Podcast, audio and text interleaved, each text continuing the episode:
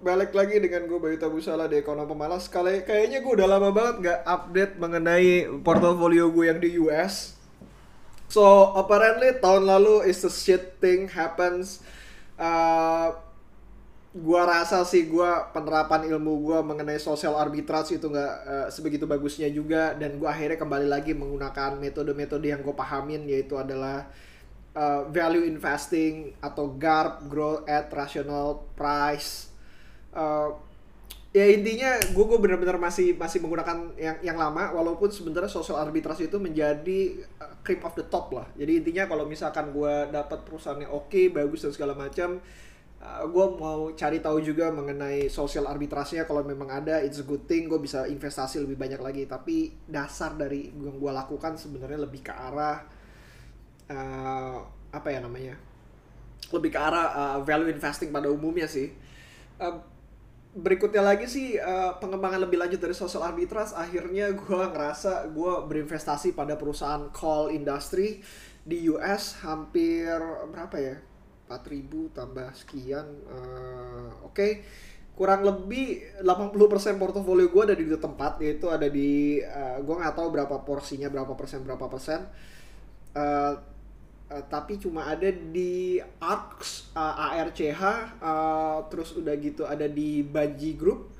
Baji Group ini adalah sebuah perusahaan yang berhubungan dengan pangan. Uh, karena gue lagi betting on wheat atau grain. Uh, ARCS sendiri, ARCS, uh, ARCH itu uh, perusahaan yang berhubungan dengan coal. Uh, terus ada BG, uh, BG, BG tadi Baji. Satu lagi tuh uh, apa ya? BTU BTU tuh apa ya? Gue lupa juga. Itu tapi perusahaan call uh, perusahaan call. Uh, call di US uh, PI-nya nggak murah. Itu kurang lebih di angka 7 7 atau 6 gitu. 7 atau 6 ketika gue masuk. Dan uh, bentar lagi kayaknya minggu depan. Minggu depan itu bakalan ada quarterly Q satunya dari uh, dua perusahaan tadi yaitu BTU dengan Arch uh, kayaknya BG juga akan uh, quarter uh, quarterly ngeluarin laporan keuangan dan alasan kenapa gue betting ya karena harga call juga lagi gila-gilaan gitu. Uh, di Indonesia kita punya China sebagai absorber uh, absorbernya tapi kalau misalkan di US sebagai produser yang paling besar banget gitu yang punya cadangan yang cukup lumayan uh, dia punya uh, India dan negara-negara uh, seperti ya China juga dia juga ekspor uh, ke ke China juga. Dan gue ngerasa bahwa dengan harga yang kayak sekarang dan uh, karena di US datanya lumayan lengkap ya. Jadi gue bisa ngeliat oh ya anyway di Indonesia juga ada data ekspor uh, tentang coal. Dan gue uh,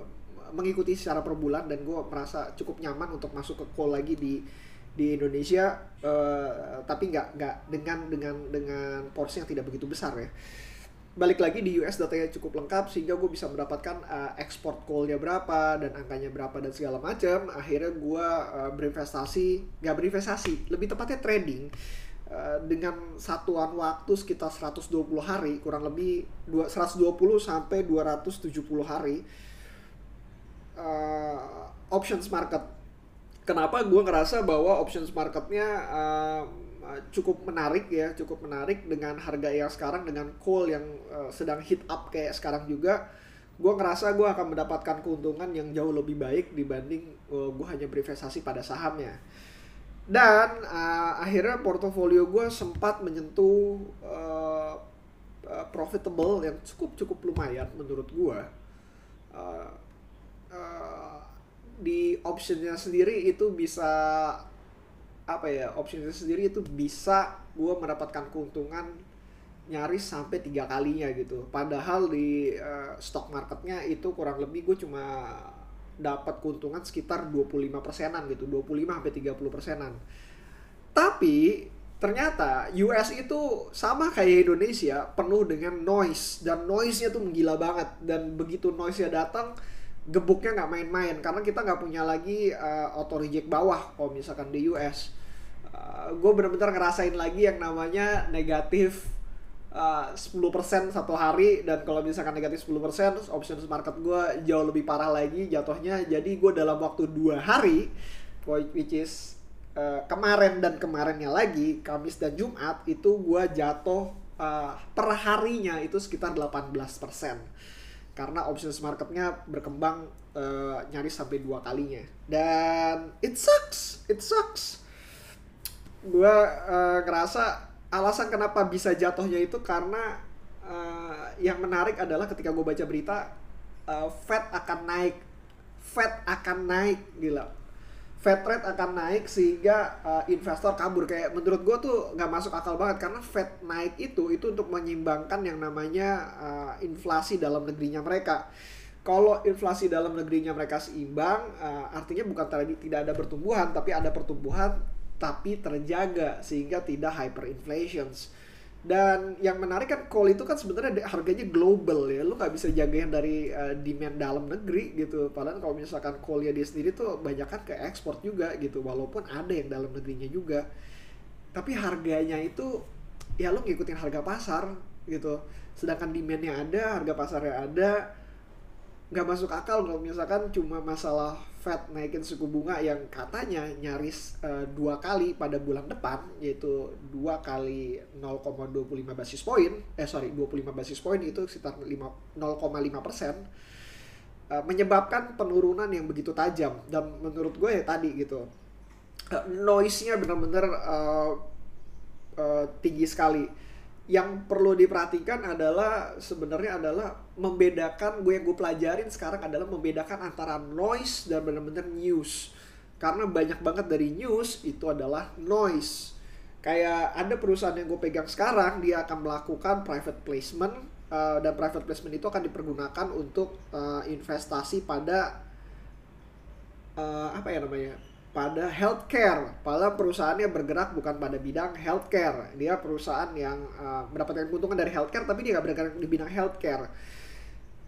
Problemnya adalah uh, kalau itu kejadian, uh, gue bakalan kesel banget sih sebenarnya. Karena gue suka dengan perusahaan yang benar-benar uh, bukan konglomerasi, tapi mengenai di grupnya sendiri memang benar-benar bagus. Dan kalaupun mereka melakukan ekspansi, ekspansinya uh, organik ataupun ekspansinya sesuai dengan uh, mereka punya ka kapabilitas gitu. Uh, perusahaan ini sendiri uh, waste-nya dibentuk menjadi sebuah perusahaan yang baru lagi, waste-nya dibentuk jadi perusahaan yang baru lagi, sehingga menurut gue itu jauh lebih aman dibandingkan lu melakukan akuisisi anorganik tapi keluar dari industrinya industri yang lu pegang gitu. Nah, uh, tapi sampai itu kejadian menurut gue itu adalah noise. Buat apa gue harus uh, berisik ataupun bingung? Sedangkan gue ngelihat bahwa dalam tiga tahun 4 tahun terakhir perusahaan ini tuh sebenarnya even kayak uh, jangan kan 4 tahun terakhir sih 15 tahun terakhir itu perusahaan ini sangat bagus untuk dijalankan sama orang-orang ini gitu. Sehingga gue yakin mereka tahu apa yang akan mereka lakukan.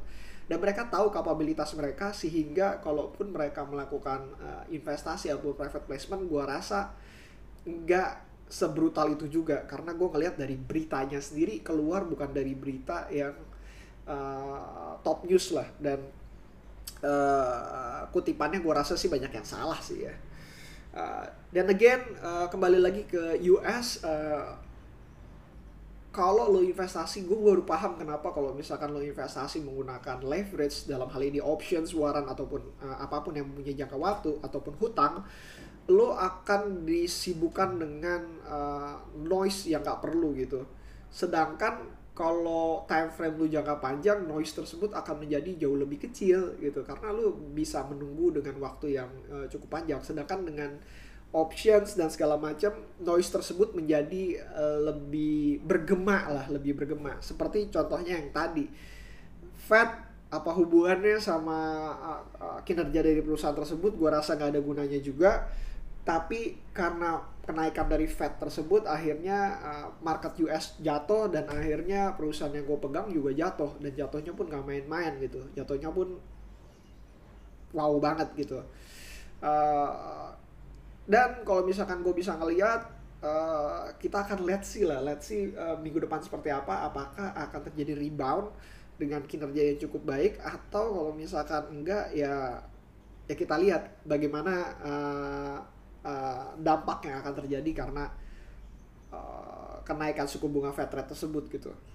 Uh, that's it sih menurut gua. Jadi pelajaran yang gua ambil untuk uh, sekitar tahun ini itu adalah mengenai uh, bedakan antara noise sama news gitu sama sama berita. Gak semua berita itu adalah uh, berita dan gak, eh, gak semua berita itu adalah berita. Uh, bisa jadi dia noise dan uh, kalau lu menemukan noise uh, ataupun uh, ya sesuatu yang gak harus lu dengerin ya udah uh, tinggalkan aja gitu dan untuk menemukan noise dan berita tersebut, lo harus tahu benar-benar bagaimana perusahaan itu beroperasi. Itu yang pertama. Yang kedua adalah lo harus percaya dengan manajemennya.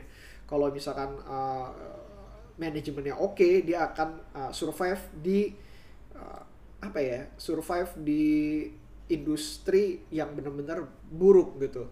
Uh, tapi kalau enggak, ya atau manajer uh, manajer biasa-biasa aja ya balik lagi lo harus assess terhadap hasil investasi lo tersebut dan don't get me wrong, kalau misalkan lu salah membedakan antara noise sebagai berita, uh, salah membedakan berita, benar-benar berita yang merubah semuanya sebagai noise, uh, itu akan berimbas parah kepada diri lu sendiri.